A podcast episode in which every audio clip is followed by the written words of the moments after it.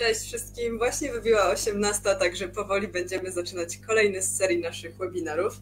W zeszłym tygodniu rozmawialiśmy trochę więcej o takich ścisłych, informatycznych rzeczach, także dzisiaj zmieniamy tematykę o 180 stopni i dzisiaj trochę o prawie i o działalności w internecie. A ze mną dzisiaj Krzysiek Krupa. Cześć Krzysiek. Cześć, witam serdecznie. Krzysiek jest prowadzącym program na kanał, przepraszam, na YouTubie poprawnie, a jeszcze poza tym w zasadzie to przede wszystkim jest prawnikiem. Także dzisiaj o wszystkich tych prawniczych zawiłościach Krzysiek nam opowie. E, także Krzysiek, serdecznie dziękuję, że przyjąłeś nasze zaproszenie na, na dzisiejszy webinar.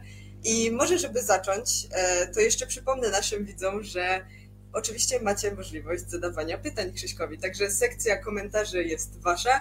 Od razu jak wam się nasunie jakieś pytanie do głowy, zapisujcie je w komentarzach i pod koniec będziemy mieli taką krótką sesję Q&A, w, w której ja te pytania po prostu Krzyśkowi przeczytam, no i razem będziemy się starali znaleźć jakąś odpowiedź na te pytania. Dobrze, kochani, także widzę, że już trochę nas jest na tym webinarze, także myślę, że powoli będziemy zaczynać. Krzysiek, może na początku powiedz nam, jak to się w ogóle stało, w którym momencie życia ty stwierdziłeś, że będziesz prawnikiem, że to jest ta droga, którą ty chcesz obrać. To było jakoś tak, że nie wiem, jakoś na to wpadłeś tak, o, to był taki pomysł, czy jakoś dochodziłeś do tego po jakiejś drodze? Pomysłów przez wszystkie lata e, było bardzo dużo. Natomiast moment, w którym tak naprawdę zacząłem na poważnie zastanawiać się nad tym, czy przypadkiem nie zostać w przyszłości prawnikiem i, i zdarzenie, które to wywołało, to, było, to jest dosyć banalne, bo na końcu gimnazjum, e, na końcu trzeciej klasy gimnazjum e, wychodziliśmy do, zdaje się, Powiatowego Urzędu Pracy na takie badania prawie na cały dzień e, wszystkie trzecie klasy e, wychodziły i rozwiązywaliśmy tam ankiety, rozmawialiśmy z, z różnymi pośrednikami pracy i tak dalej. I z tych wszystkich ankiet, e, które tam rozwiązywałem, wyszło no, jeden do jednego po prostu, że ja muszę iść na prawo. E, jakieś tam, to były badania zainteresowań, tego co czytamy, o czym czytamy, co oglądamy w telewizji, mm, co nas interesuje i na tej podstawie jakiś wzór, powiedzmy jakiś ala algorytm wywnioskował, że powinienem iść na prawo. No i w sumie stwierdziłem, że w sumie chyba coś w tym jest, bo kurczę, będąc w podstawówce, ja już oglądałem wiadomości, informacje, fakty i tak dalej, zamiast wieczorynki. I bardzo się interesowałem polityką. No więc chyba tak, chyba, chyba to jest to. I jeszcze w trakcie liceum przyszedł mi taki pomysł do głowy, żeby pójść na mm, akademię muzyczną. Ja bardzo dużo grałem na perkusji, rozważałem pracę zawodowego muzyka, ale gdzieś tam zabrakło chyba odwagi i dzisiaj z perspektywy czasu uważam, że, że dobrze, że podjąłem taki wybór, jaki podjąłem. Mm, zabrakło gdzieś tam odwagi, bo, bo to jest, e, tam się albo bardzo udaje w muzyce, albo bardzo się nie udaje. E, co są dwie możliwości. Nie ma nic pomiędzy, więc to prawo to było takie jakieś bardziej stabilne. Plus jeszcze, e, no i właśnie w, w gimnazjum jakby już ja już stwierdziłem, że w liceum będę robił wszystko, żeby dostać się na prawo. Co za tym idzie, to już zdefiniowało y, mój profil w liceum, tak, profil humanistyczny. Poszedłem na ten profil humanistyczny. Bardzo dobry zawsze byłem z historii i z wiedzy o społeczeństwie. Jeszcze do tego doszedł polski, który też mi zaczął wychodzić w, w liceum. No i po prostu to jakoś też mnie tak ukierunkowało. Ok, z tych rzeczy jestem dobry, to jest na maturze. Mm, którą zdaje się tak, y, żeby, żeby dostać się na prawo z, z tych przedmiotów. Te, przedmioty, te przedmioty są przydatne, żeby dostać się na prawo, więc w sumie okej, okay, będę to robił na 100%, będę się uczył tych przedmiotów i y, gdzieś tam ustawiał się w kierunku, w kierunku prawniczym. No i też zawsze gdzieś tam jak oglądałem filmy, jakieś sensacyjne, kryminalne, one mi się zawsze najbardziej podobały. Praca prawników y, najbardziej mi się podobała w, w tych filmach, bardzo mnie fascynowała i to też, to takie, takie może banalne, ale, ale jak najbardziej e, to też gdzieś tam przemówiło za tym. Okej, okay, a jakąś, nie wiem, aktywność pozaszkolną w tym czasie podejmowałeś, która cię jeszcze bardziej przekonała o tym, że prawo jest dobrym wyborem, czy to po prostu było tak, że uczyłeś się tych rzeczy, które trzeba było do szkoły na maturę na przykład? Hmm, powiem tak, jeżeli chodzi o historię i WOS, bo z tych przedmiotów zdałem rozszerzoną maturę i jeszcze z polskiego rozszerzonego też i, i, i, z języka, no to gdzieś tam zawsze starałem się z tych dwóch przedmiotów e, działać ponad program. Jeżeli chodzi o historię, to zawsze brałem udział w konkursach, zresztą z WOS-u też w jakichś olimpiadach, doczytywałem książki jakieś tam historyczne i tak dalej. Mm, natomiast jeżeli chodzi o WOS, no to tą polityką się interesowałem naprawdę od dzieciaka, e, tą wiedzą o społeczeństwie, różnych organizacjach. Zawsze miałem coś do powiedzenia mm, podczas kłótni przy stole politycznych i to też gdzieś tam zaprocentowało chyba, bo, bo jednak, e, a i zawsze nauczyciele mówili, skarżyli się moim rodzicom, że jestem dyskutantem i że pyskuję, że generalnie jestem dobrym uczniem, e, ale takim buntownikiem i że dużo jest we mnie właśnie takiego buntu, e, takiego dyskutanstwa, że tak brzydko e, się wyrażę i to też chyba jest taka cecha, która e, gdzieś tam później pomaga, jeżeli chodzi o, o bycie prawnikiem. Mm, też wszystko jakby się układało, układało się w jedną całość. Nie? Więc tak, to zainteresowanie po godzinach, po szkole jak najbardziej było. To nie były tylko zdawane egzaminy, zdawane sprawdziany. To było poszerzanie, poszerzanie swojej wiedzy. No i co jeszcze zrobiłem? Jako jedyny e, w ogóle na tym moim profilu humanistycznym zdecydowałem się zdawać trzy przedmioty rozszerzone poza językiem. I to tak, to tak trochę symbolicznie, bo e, jako jedyny dostałem się do dużego miasta na jeden z najlepszych uniwersytetów w Polsce. Reszta osób się nie dostała. To, to jest jakiś taki wyznacznik, że jeszcze ja pochodzę z małego miasta, Nowa Sól e, w województwie lubuskim. Jeżeli pochodzimy z takiego miasta, jesteśmy w takim mieście e, w liceum, no, nie, nie w jakichś tam ogólnopolskich rankingach raczej, no to jeżeli chcemy się dostać na, na bardzo dobrą uczelnię, mm, to musimy być najlepsi. Koniec, kropka i to być tacy najlepsi, że jeszcze kilka, naprawdę kilka rzędów przed, przed całą resztą. I tak się starałem, żeby tak było.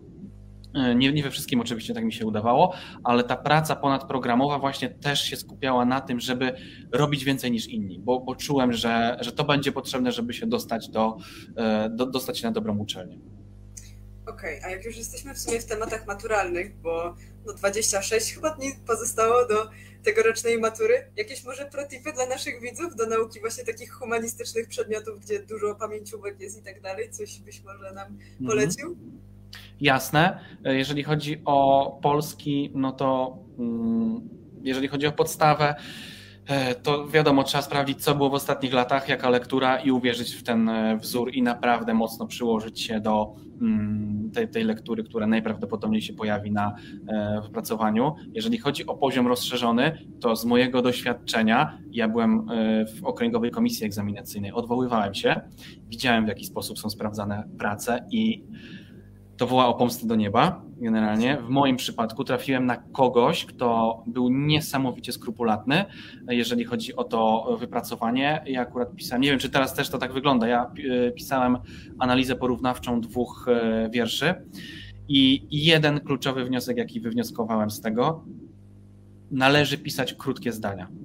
Krótkie, proste zdania. Poległem po prostu najwięcej na tym, że e, ja pisałem pięknie. Wszyscy mi mówili, że piszę pięknie. Przez 3 lata zdałem jedną maturę e, próbną na 98%, pozostałe na 100 z polskiego e, rozszerzonego, a tu poszło dużo gorzej, nie powiem jak, mm, poszło dużo gorzej i się okazało, że poległem na zbyt złożonych zdaniach. Więc mimo, że to jest rozszerzenie, piszmy proste zdania. Tak nie powinno być, ale trudno. Jeżeli chodzi o e, historię, protip, nie uczmy się dat. Daty to są, daty to są, to jest dodatek to jest dodatek do całej reszty. Uczmy się e, przyczyn, skutków i tak dalej. W te ile? 26 dni, tak? Zostało? Z tego co liczyłam, chyba tak. tak. Można zrobić mnóstwo. Naprawdę. Przez ten czas można zrobić mnóstwo, korzystając ze skryptów, e, nawet przygotować się do dobrze napisanego, e, dobrze napisanego wypracowania. Oczywiście, jeżeli to sobie podzielimy wszystko na dni. A jeżeli WOS, a jeżeli chodzi o WOS, WOS jest w ogóle trudniejszy niż historia. Mm, I tutaj naprawdę tu trzeba mieć szczęście po prostu. To, na co traficie, e, to, to będzie ok. Jeżeli chodzi o WOS, o, w przypadku WOS-u radziłbym jechać po prostu codziennie na, mm, na arkuszach maturalnych. To są powtarzalne schematy i no nie da się nauczyć WOS-u w rok, nie da się nauczyć w pół roku tym bardziej, więc robiłbym przede wszystkim tutaj mm, arkusze maturalne. To tak z grubsza. Dobra. A jeśli tak już mówimy o takim przeskakiwaniu, że właśnie ta granica liceum a studia, to na co musi być z kolei gotowy uczeń, który chce się na te studia wybrać? No to powiedzmy, jesteśmy tam sobie przerażeni maturą, tą maturę zdajemy i na co musimy być gotowi w późniejszej kolejności? Przede wszystkim, mm, jeżeli rozważacie wyjechać ze swojego miasta i gdzieś, nawet niekoniecznie na lepszy uniwersytet niż jest w waszej okolicy, ale po prostu, żeby wyjechać z miasta, przeprowadzić się, to zróbcie to. Jeżeli macie taką możliwość, to ją wykorzystajcie, bo to zaprocentuje w waszym rozwoju, w po prostu umiejętności radzenia sobie z problemami, to ogromnie procentuje. Jesteście później bardziej pewni siebie, bardziej odważni. To taka e, ogólna rada. Natomiast e, jak już właśnie staniecie się, e, będziecie musieli stać się bardziej samodzielni, tak? Czy jeżeli wyprowadzicie się, no to, no to w szczególności wtedy, a jeżeli nie, no to troszeczkę mniej i pozostanie tylko ta samodzielność w ramach po prostu nauki. Musicie się przygotować na to, że w trakcie studiów już zupełnie inaczej e, nauczyciele, wykładowcy do Was podchodzą. To było największe zderzenie w moim przypadku. Na pierwszym roku prawa to też taki mit, jeżeli chodzi, e, będę dzisiaj tak myślę sporo mitów rozwiewał, e, jeżeli chodzi o, pierwszy mit, jeżeli chodzi o natłok nauki, to na pierwszym roku prawa uczyłem się zdecydowanie mniej niż na przykład w drugiej klasie liceum czy trzeciej klasie liceum. Było dużo mniej nauki. Ale trzeba uważać bardzo na jedną rzecz. Na uniwersytecie na uczelni wyższej macie być samodzielni. Nikt tutaj nie będzie, to oczywiście są wyjątki, ale nikt nie będzie co lekcję was pytał, co zajęcia was pytał, robił kartkówki, sprawdzał cały czas waszą wiedzę. Wasza wiedza będzie czasami sprawdzona jeden raz jeden raz w roku. Będziecie mieli jedną, jedyną szansę. Tak było u mnie z prawem konstytucyjnym. Nie było żadnego kolokwium przez, e, przez, pierwszą, e, przez pierwszy rok, e, przez te 10 miesięcy. Wyobraźcie sobie, że nawet nie było sprawdzania obecności na lekcjach. Można było na nie nie chodzić, na te ćwiczenia. I egzamin, nie było, nie było kolokwium końcowego po ćwiczeniach, był po prostu egzamin na, na koniec wykładów. I ja tego egzaminu nie zdałem. I to było pierwsze moje potknięcie, bo właśnie, bo ja nie do końca skumałem to, jak e, samodzielnym tam trzeba być, że to trzeba samemu sobie robić notatki przez te wszystkie miesiące, samemu się sprawdzać, czy ja potrafię, bo zostawić sobie taki przedmiot jak prawo konstytucyjne na ostatni miesiąc przed egzaminem, to się nie może dobrze skończyć. Nie? Więc po prostu e, samodzielność i systematyczność to jest to, co trzeba po prostu zachować i co może nas bardzo zaskoczyć, że to jest aż tak e, bardzo wymagane. Bez tego, e, no, bardzo czarno widzę studia, akurat takie e, jak studia prawnicze. Okej, okay, a z tych studiów prawniczych to co tak najlepiej, najgorzej wspominasz, jeśli byś tak miał wskazać jedną rzecz, jeśli chodzi oczywiście o tą część z uczeniem się i tą część prawniczą?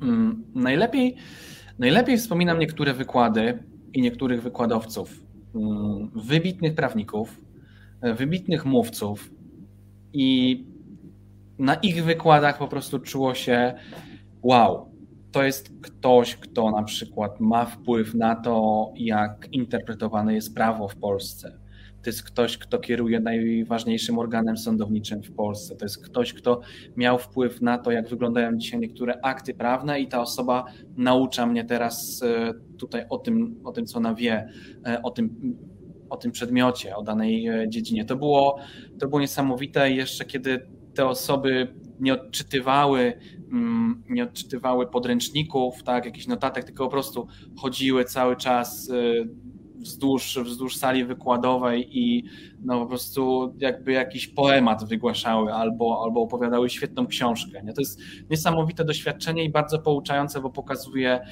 mm, jaką można mieć wiedzę na jakiś temat i jak można ją przekazać, bo to, jest, to też jest bardzo trudne. Z kolei te mniej, no i oczywiście jakby życie towarzyskie na studiach, to też jest rzecz bardzo ważna, mm, trzeba bardzo, znaczy ja nie uważałem, nie musiałem bardzo uważać, żeby nie popłynąć. Ja jakby miałem zdefiniowany cel, po co ja idę na studia i ani razu się nie zagapiłem, jeżeli chodzi o jakieś imprezy i tak dalej, ale to też jest super, nie? Szczególnie jeżeli e, właśnie wyprowadzacie się do innego miasta, poznajecie nowych ludzi, to to jest naprawdę fajne poznawanie, tak, poznawanie nowych ludzi, robienie kontaktów na studiach, to jest w ogóle, jeżeli chodzi o studia prawnicze, to jest, ojej, to jest, to jest niesamowicie ważne, może nawet ważniejsze niż te wszystkie piątki, zaliczenia i tak dalej, żeby po prostu poznać jak najwięcej ludzi. Natomiast jeżeli chodzi o tą drugą stronę medalu, czyli te kwestie mniej pozytywne, mm, no to, to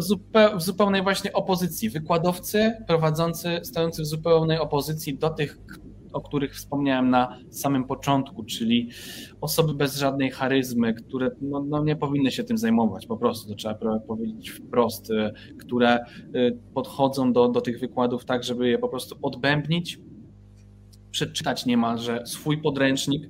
Czasami tak to wyglądało. No, no, no, nie w sposób się od takich y, osób niczego nauczyć. Czasami zdarzały się, zdarzali się wykładowcy, którzy no, nie szanowali studentów, tak, lekceważyli studentów i to jest w ogóle niemiłe i to bardzo źle świadczy o ich kulturze i inteligencji. I jeszcze, y, co mógłbym dodać, to chyba niestety niepotrzebne przedmioty. Przedmioty, których w ogóle Ech, wiecie, na przykład historia, nie? Historia, to, to, to, ja o tym zawsze otwarcie mówię. Uważam, że to jest, to jest totalnie niepotrzebne. Historia na, na kierunku prawniczym, jeżeli y, nie zdajecie historii na maturze, to absolutnie się też nie martwcie tym, że ta historia gdzieś tam was czeka, bo to też niektórzy się tego bali. To jest zupełnie inna historia. To jest historia państwa i prawa. Tam się uczycie, kiedy kodeks powstał, w którym roku. Nie? To jest w ogóle tak niepotrzebna nikomu wiedza, że to jest szok. I, i takich, takich przedmiotów jest trochę. No i to jest najgorsze. To jest najgorsze, że niestety trzeba w tym uczestniczyć i, i zdawać z takich rzeczy e, egzamin. I niektórym to, niektórym to obrzydza po prostu ten kierunek i, i rezygnują po prostu. Nie? Okej, a są jeszcze jakieś takie rzeczy, których na przykład licealiści nie wiedzą jeszcze o tych studiach prawniczych, mimo że w zasadzie powinni, na przykład tak jak to, co mówiłeś z tą historią, że matury z historii nie zdają, ale tą historią i tak się później spotykają. No tak samo zresztą jak chyba z matematyką wydaje mi się, bo wydaje mi się, że coś tam też z logiki było na prawda? E, właśnie, mit, że na prawie jest logika i w ogóle trzeba się tego bać. Nie, to jest niesamowicie przyjemna logika, e, bardzo fajnie prowadzona, bardziej na tekstach niż na jakichś tam e, działaniach. Jest bardzo potrzebna, jest naprawdę w podstawowym zakresie, ale niesamowicie pomaga. Jest prosta, nie znam nikogo, kto by z egzaminu z logiki nie zdał. Mm, myślę, że jeszcze czego nie wiedzą licealiści o prawie, my, są w takim błędzie, myślą, że, że to jest trudny kierunek. To jest, to jest w ogóle bardzo, bardzo częsty mit i ja tak nie uważam. Naprawdę jest wiele, wiele trudniejszych kierunków. Powiem Wam tak. Mm, przez prawo można się prześlizgnąć. Bardzo, bardzo prosto. Żeby iść na te studia i mieć papierek, to naprawdę, to, to są proste studia. Wystarczy trochę pozakuwać trochę pozakuwać i nic was nie omija. Mnie nic nie omijało, żadne imprezy, mm, jakieś tam, nie wiem, granie w zespole, zainteresowania, hobby, życie towarzyskie, nic mnie nie ominęło, absolutnie, w trakcie, mm, w trakcie studiów. Jeszcze pracowałem w kancelarii, robiłem praktyki w międzyczasie, więc naprawdę. Mm, natomiast jakby, jakby to powiedzieć, można się zdziwić. Można się zdziwić, że e, jest nawet mniej, mniej tej nauki niż w liceum. E, I można też trochę wpaść w takie błędne koło, że na początku w szczególności, że to jest takie proste, w ogóle ja byłem w takim szoku, e, że to jest takie proste i, i te piątki tak, tak, łatwo, tak łatwo gdzieś tam wlatują, można, można je zdobyć, ale to jest bardzo, bardzo zgubne, bo przejście, prześlizgnięcie się przez te studia zupełnie nic nie daje. Dzisiaj, w momencie, w którym studia e, co roku kończą setki absolwentów, i setki tych absolwentów trafiają, może nawet tysiące, trafiają na rynek usług prawniczych, to wierzcie mi, że papierek naprawdę nic nie daje.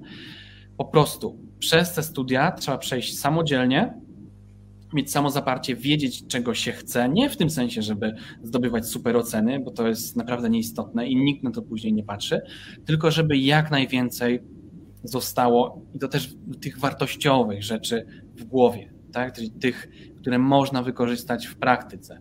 Y, czego licealiści na pewno nie wiedzą, że mm, studia studiami, ale pierwszy, no pierwszy może nie, ale na drugim roku już trzeba gdzieś się zahaczyć w jakiejś kancelarii na jakieś praktyki. Naprawdę. Kiedy będziecie składać CV po ukończeniu studiów prawniczych do jakiejś kancelarii mm, i tam będą, tam będzie miesiąc praktyk obowiązkowych, to dla potencjalnego przyszłego pracodawcy wy nic nie umiecie po, po tych studiach. No, niestety tak jest. Jeżeli nie macie praktyki, to dla pracodawcy nic nie umiecie. Nie umiecie napisać pisma procesowego. To jest jakby Pierwsza rzecz, nie potraficie napisać maila do klienta. Niektórzy zawodowi e, prawnicy, adwokaci czy radcowie prawni nie potrafią napisać maila do klienta i wielokrotnie e, coś takiego widziałem. Żeby klient otrzymał e, jakiś jakąś receptę. Piszą elaborat na stronę A4, orzecznictwo sądów, przepisy i tak dalej. Nikt tego w ogóle nie rozumie. Sąd nawet niekiedy tego nie rozumie, ale o, a ktoś pisze coś takiego do, do klienta, a nie pisze tego clue. No ale co to znaczy? To co ja mam robić w takim razie, tak? Mm, to są, to są takie rzeczy, których nauczymy się tylko w praktyce, więc to też trzeba robić i to jest dużo, dużo ważniejsze niż chodzenie na te zajęcia, niż zdobywanie, e, zdobywanie ocen. Myślę, że to jest właśnie też taka rzecz, która bardzo wyróżnia studia na tle, na tle szkoły, na tle e, liceum e, konferencje, udział w konferencjach, w kołach naukowych, po prostu robienie rzeczy ponad program, żeby później mieć co napisać w tym CV. Nie? Jeżeli kończymy, kończymy studia, piszemy, miałem jakieś publikacje, y, udział w kole naukowym, y, uczęszczałem na konferencje ogólnopolskie z referatami naukowymi, y, byłem w sądzie, pracowałem w tej kancelarii, w tej kancelarii. Nie? No jakby to jest, to jest mega ważne. A, i jeszcze w ogóle ciekawa rzecz. Wiele osób mi to mówiło przed, e, przed studiami, a ja nie chciałem w to wierzyć. Że jeżeli chodzi o studia prawnicze, to dużo, dużo lepsze są studia zaoczne. I ja wierzę w to dopiero teraz, kiedy te studia ukończyłem. Bardzo żałuję, że nie poszedłem na studia zaoczne. Ja miałbym te same przedmioty zdane, co mam teraz, i tak samo mm, mój obecny y, szef, pracodawca nie, nie zwracałby uwagi na te oceny, bo, bo nie zwracał na nie uwagi, kiedy przyniosłem do niego CV. Mm, zwraca się uwagę na doświadczenie. To jest takie memiczne, że kończycie studia i ktoś od was wymaga pięciu lat doświadczenia. Tak jest naprawdę, niestety. I wygrywają ci, którzy naprawdę mają to doświadczenie. I wierzcie mi, że po y, ukończonych studiach prawniczych można mieć trzy studia trwają 5 lat, można mieć 3, nawet 4 lata doświadczenia w kancelarii. A jeżeli właśnie będziecie na studiach zaocznych, to w weekendy e, chodzimy na zajęcia, a w, w tygodniu pracujemy w kancelarii i wszystko to można świetnie ze sobą pogodzić. Dobra, a jeśli chodzi o właśnie zdobycie miejsca, w którym takie praktyki, czy w ogóle jakiekolwiek doświadczenie zdobyć, to co byś tutaj polecił? Jak się do tego ustawić, żeby gdzieś się złapać? Mm, z mojego doświadczenia, za każdym razem, kiedy dostawałem się na jakieś praktyki, to nie pytałem, czy tam jest miejsce, czy jest prowadzona rekrutacja, po prostu wysyłałem CV. Do tego musicie mieć z tyłu głowy to, co powiedziałem już dzisiaj, że konkurencja jest ogromna. Również między osobami, które, które są na studiach, między studentami o, o te praktyki, a w szczególności o płatne praktyki, no jest pewien bój, więc musicie się wyróżnić.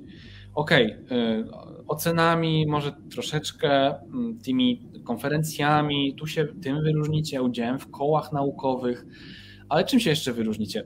Mm, zdziwicie się, bo na rozmowach o pracę dzisiaj przyjmuje się taką metodę, że nie, nie egzaminuje się z wiedzy, nie egzaminuje się z doświadczenia, bo to wynika z CV, ale pyta się na przykład o zainteresowania.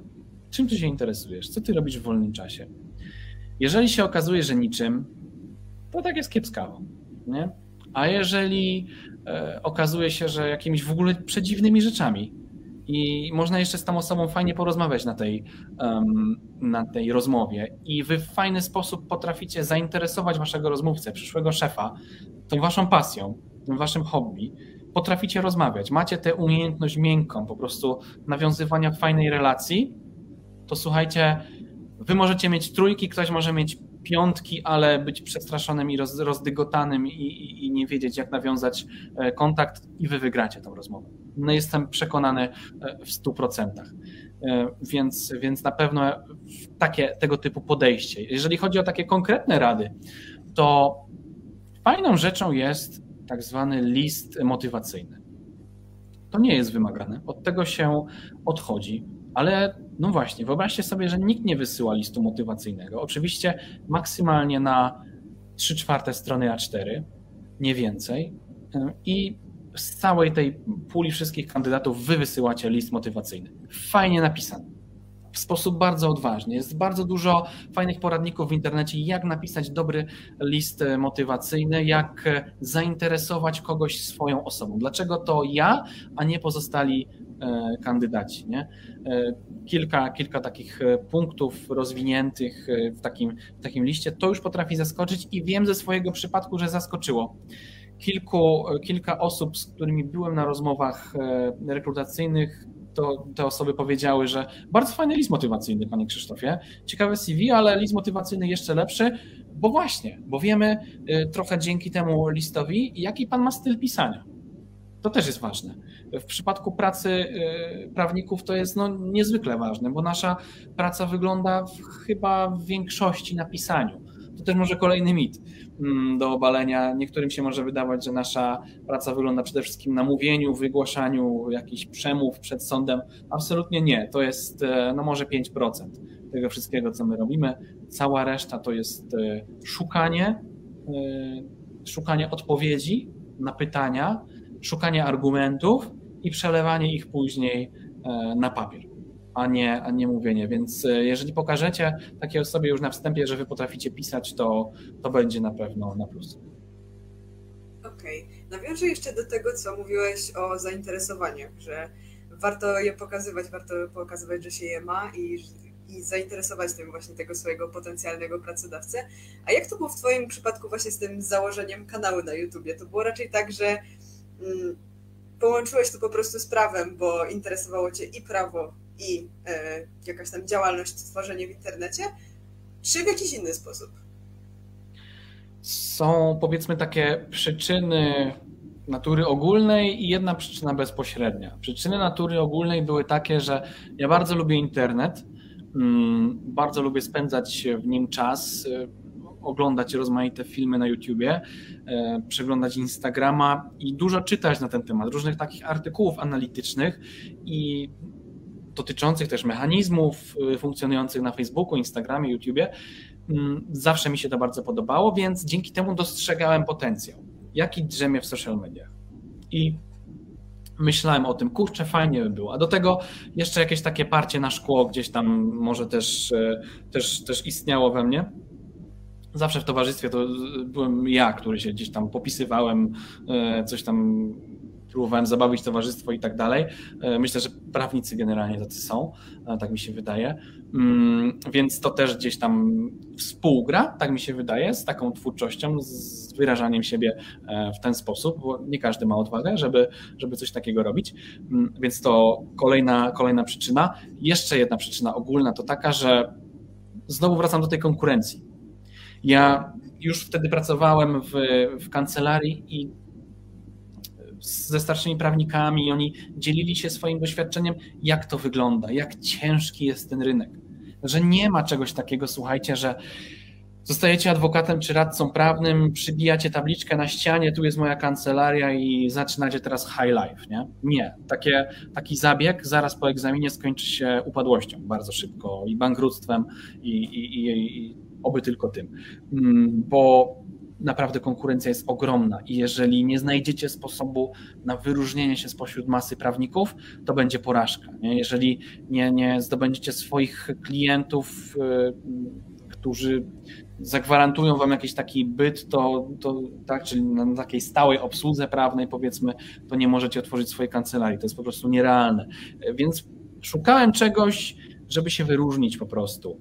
Mm, jako, że też moją największą pasją prawniczą jest prawo karne, to wiedziałem, że tym się nie wyróżnię, tak? To, to nie jest, e, kurczę, jakieś, e, nie wiem, prawo IT, czy, czy jakieś inne, jakaś inna wąska, wąska działka, to jest działka dosyć ogólna, więc e, wiedziałem, że to też nie będzie żaden atut.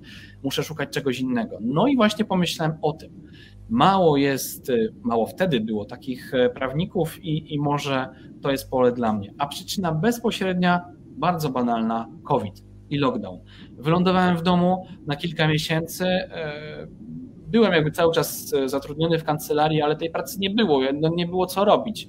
Klienci wstrzymali e, jakieś zamówienia, wstrzymali zlecenia. No i nudziłem się, czytałem książkę za, książ za książką i myślę, ok, to jest, to jest ten moment. No i podjąłem taką decyzję. No i cóż, i tak jakoś wyszło. Okej, okay, ponieważ już jesteśmy na tym temacie takim tytułowym, to znaczy te prawnicze supermoce, to w jaki sposób można się wyróżnić z tłumu, no to oczywiście jest ten sposób twój, to znaczy na przykład założenie tego kanału na YouTubie, a znasz jeszcze jakieś takie ciekawe przykłady na przykład swoich, nie wiem, kolegów, koleżanek, które, którzy też coś takiego działają, że mają taką prawniczą supermoc, coś czego inni nie mają? W jaki sposób to robią? Niekoniecznie jakby ulokowaną w social mediach? Tak, tak, tak. To znaczy chodzi mi o takie w ogóle nieszablonowe rzeczy, którą, które robią, a które plusują właśnie, na, właśnie przez, w taki sposób, przepraszam, że wybijają się z tego tłumu prawników. Hmm. Mm, ciekawe pytanie i w zasadzie ciężko mi teraz znaleźć jakiś przykład, bo niestety nie ma bardziej, nie znam bardziej szablonowego środowiska niż środowisko prawnicze. I może to, to jest właśnie taka też dobra odpowiedź na to pytanie, bo jeżeli y, ktoś potrafi myśleć nieszablonowo, to to jest idealne środowisko dla niego, mimo że jest e, ogromna konkurencja. Bo jeżeli jest ogromna konkurencja, ogromna ilość prawników, to znaczy, że zleceń też jest ogromna ilość. Więc wystarczy z tego morza po prostu się wychylić jakimś, e, jakimś fajnym pomysłem. Jeżeli chodzi o jakieś takie właśnie zdolności, to zauważam, że ci, którzy mają dużo luzu w sobie i jednocześnie dużo kultury, ci, którzy wiedzą, że nie, nie należy zadzierać nosa, być sztywnym prawnikiem, ci, którzy potrafią dostosować się poziomem do poziomu klienta, wejść, nadawać na tych samych e, falach. To jest niesamowicie trudna umiejętność, ale kiedy ktoś ją posiada, to to jest naprawdę prawnicza supermoc i, i naprawdę to, e, to robi robotę, bo, bo klient e, później powie nie tylko, że prawnik zrobił co w jego mocy i, i fajnie poprowadził sprawę, ale że jeszcze no naprawdę polecam, bo, bo gościu mnie rozumiał i ja rozumiałem, co on do mnie mówi. E, naprawdę mm, sytuacja, w której klient rozumie to, co mówi do niego prawnik w Polsce, jest sytuacją wyjątkową i umiejętność przekazywania, e, przekazywania tych treści mm, prostym językiem też jest właśnie taką, taką prawniczą e, supermocą. Są już nawet, e, nawet różne konta na LinkedInie. Zdaje się, Tomasz Piekot, taka osoba, która prowadzi, prowadzi takie mm, social media związane z właśnie komunikacją dla prawników. Jak mówić prosto? I tam prezentuje niesamowite patenty na to, e, gdzie popełniamy błędy i właśnie patenty na rozwiązanie, na poprawienie tych błędów, na poprawienie e, naszej komunikacji i pokazuje, jak niesamowicie jest to ważne. Więc tak, kto opanuje, kto, kto opanuje to, tą zdolność nadawania na tych samych falach, co klienci, ten spokojnie może e, stwierdzić o sobie, że ma taką super moc. Są jeszcze jakieś takie, nie wiem, czy konta właśnie na, w mediach społecznościowych, czy może jakaś literatura, którą byś polecił licealistom, żeby się zapoznawać już zawczasu przed tymi studiami e, z tematyką? Hmm. Oczywiście poza swoim kanałem, bo to nie mam wątpliwości, że to też. Zacznijmy od tego, e, znaczy, a może tak, jeżeli chodzi o mm, te konta prawnicze, to ja ich nie śledzę. to ja ich nie śledzę. E, dałem sobie spokój bo za często mnie korciło, żeby coś tam odpisać, coś tam w komentarzu i tak dalej, a to jest niepotrzebne w ogóle. Więc dałem sobie spokój. Mm. więc nie będę tutaj, e, jakby to, to nie chodzi o żadną konkurencję i tak dalej, bo my nie jesteśmy dla siebie konkurencją, e, tak mi się wydaje, wzajemnie, mm, nie traktujemy tego tak. E, mogę, bardzo lubię na, na Instagramie profil konstytucjonalista, bardzo, bardzo fajne, bardzo, bardzo fajne treści. Bardzo lubię to, co robi profesor Małecki. E, bardzo często się z profesorem Małeckim nie zgadzam. To jest e, dogmaty karnisty, pole karne, e, to są, to są nazwy social mediów, związane tylko i wyłącznie z prawem karnym. Bardzo często się nie zgadzam, ale lubię, lubię jego artykuły, lubię jego sposób pisania, sposób robienia social mediów. Natomiast możesz przypomnieć mi drugie pytanie, bo do niego chciałem wrócić. E, moment, bo się zasłuchałam w tym, co mówisz. już. E literatura. A, o właśnie, tak. Um, nie polecam. To jeszcze nie jest czas na literaturę prawniczą, ale e, jakieś thrillery prawnicze, kryminały, o, jak najbardziej, e, jak najbardziej. Powiem szczerze, może przez niektórych znawców literatury będę teraz e, gdzieś tam w myślach skrytykowany. Ja czytałem Mroza e, o Chyłce. Mm, i podobało mi się to. E, to było 5 lat temu, uściślam. Nie wiedziałem wtedy jeszcze, jak wygląda praca prawnika. Podobało mi się to jeszcze w szczególności dlatego, że już wtedy wiedziałem, że lubię prawo karne. Mm, oczywiście tak, tam jest nie wszystko, znaczy nie wszystko, tam jest niewiele z takiego prawdziwego życia prawniczego, ale jakieś tak, jakąś taką wiedzę minimalną można, można z tego wyciągnąć. Natomiast żadne, żadne publikacje. Jest taka jedna fajna książka, może chyba jedynie ją bym polecił, już nie pamiętam tytułu, coś o prawach autorskich nie będę strzelał, jak to się nazywało, prawa autorskie, ale taka bardzo charakterystyczna różowa, różowa okładka, bo to jest na podstawie różnych e, takich sytuacji w popkulturze. Władca Pierścieni, McDonald, e, jakieś takie, takie historie, e, chyba o Sapkowskim jeszcze tam nie ma. CD Projekt bardzo, bardzo fajne różne takie case'y, przykłady opisane pod względem prawa autorskiego. Prawo autorskie to też jest taka dziedzina dosyć ciekawa, która na pewno zainteresuje kogoś, kto nie ma jeszcze nic wspólnego z e, prawem, ale po takie bardziej ambitne mm, publikacje prawne w ogóle bym nie sięgał, bo to jest niezrozumiałe nawet dla prawników. Okej. Okay. Dobra, to może jeszcze tak zapytam, e, nawiązując do tego, co mówiłeś, że z wieloma ludźmi się nie zgadzasz na niektóre tematy, a tak generalnie z, e, z, polskim prawodawstwem jest jakieś takie zagadnienie, które tak wybitnie cię po prostu irytuje na każdym kroku, gdziekolwiek się nie pojawi? Oczywiście. E, myślę, że tutaj 90% Polaków czy, czy, przedsiębiorców, ja sam mam działalność gospodarczą, powiedziałoby o podatkach i, i no, ja też muszę to stwierdzić. To nie, chyba jeszcze nie jesteśmy na pierwszym miejscu, jeżeli chodzi o najtrudniejszy system podatkowy w Europie, e, znaczy, przepraszam, na świecie, bo w Europie chyba jesteśmy na pierwszym, na świecie chyba na drugim, jako, jakoś tak to się chyba układa. To jest w ogóle, to jest zbrodnia po prostu. To, że jak wygląda ten system podatkowy w Polsce, to jest zbrodnia w sytuacji, w której organ podatkowy Urząd Skarbowy nie wie, jak ma stosować prawo. On, on się nie może w tym połapać. Ludzie e, pracujący tam nie mogą się niekiedy w tym połapać. E, doradcy podatkowi nie wiedzą, jak się w tym połapać. Księgowa nie wiedzą, jak się w tym połapać. A co dopiero przedsiębiorca.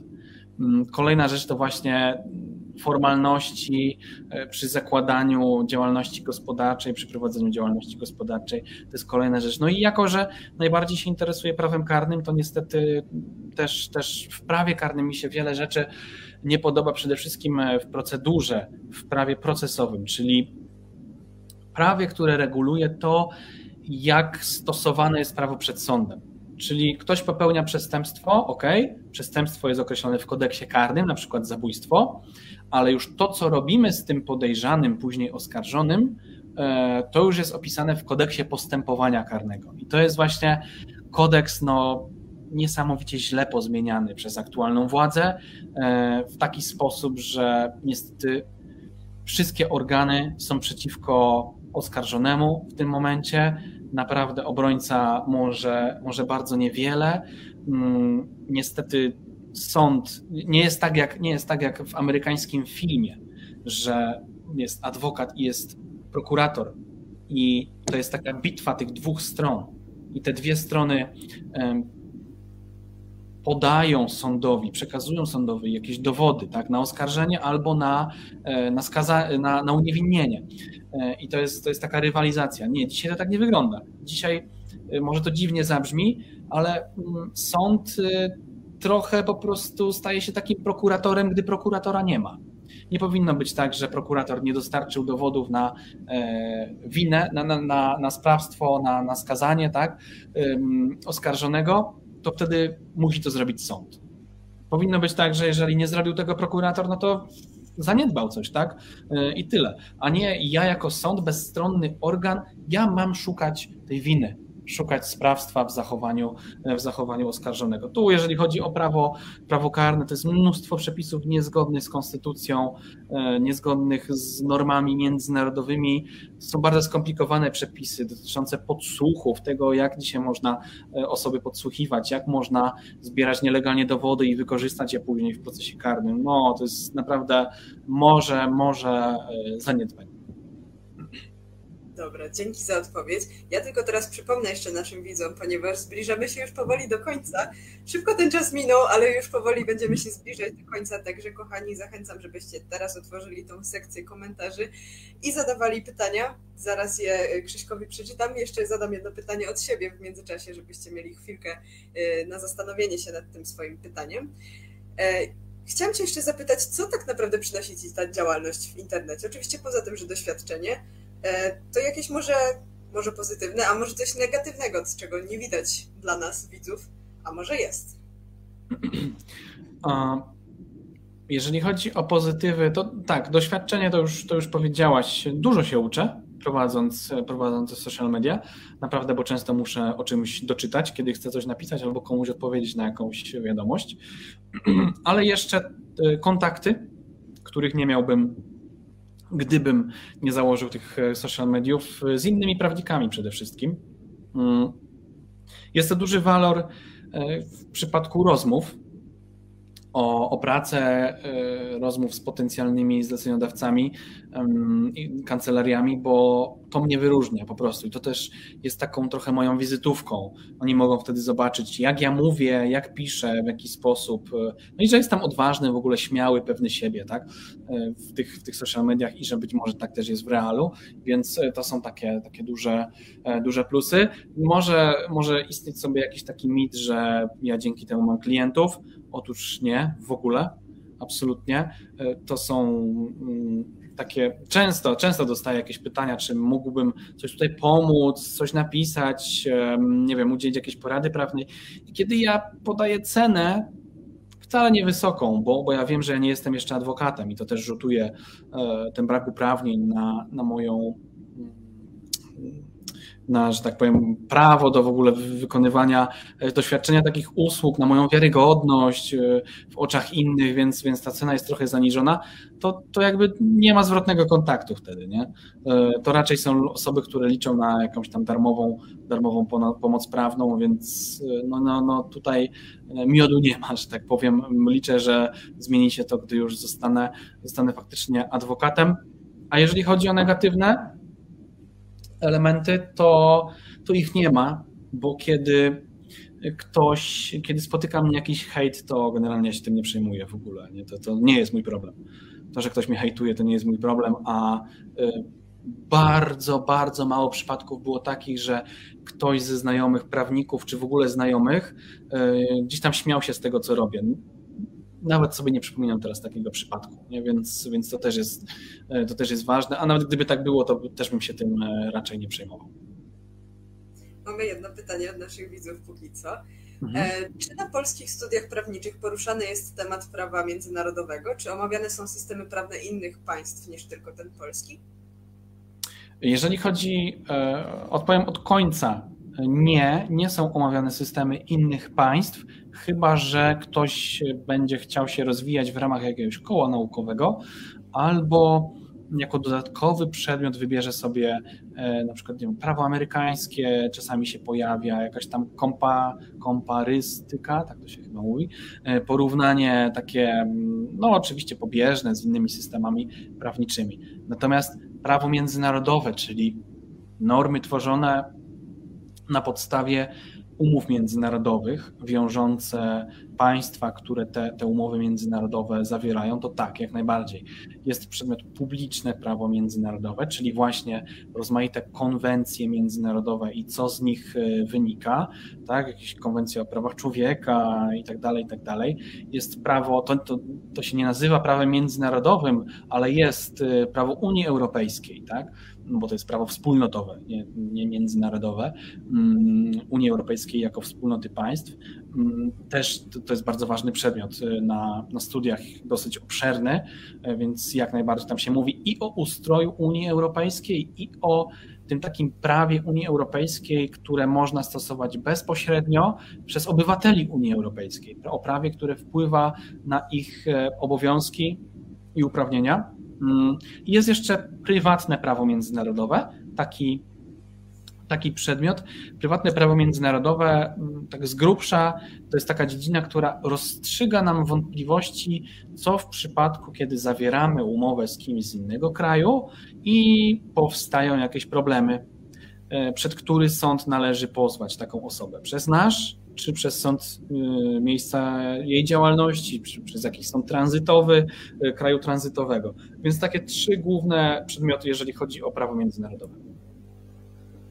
Dobra, dziękuję bardzo za odpowiedź. W zasadzie inne pytania już nam się nie pojawiły, a wręcz dostałam sygnał, że wszystko było na tyle klarownie powiedziane, że wszystkie pytania, które się pojawiały, to zostały po prostu wybite z ręki już na samym początku. Także Myślę, że powoli w takim razie będziemy kończyć. Oczywiście, drodzy widzowie, pamiętajcie, że film będzie zapisany, także jeśli będziecie chcieli sobie wrócić, coś przypomnieć, to jak najbardziej do tego zachęcamy. Poza tym jeszcze zachęcam oczywiście do obserwowania Krzyśka w jego social mediach. Na Instagramie, na Facebooku chyba cię nie ma, chyba że o czymś nie wiem.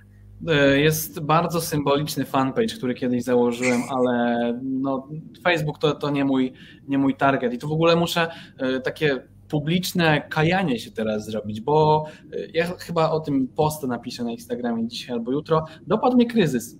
I to też jest y, rzecz gdzieś tam, do której trzeba, trzeba się przyznawać, trzeba, się o niej, trzeba o niej mówić.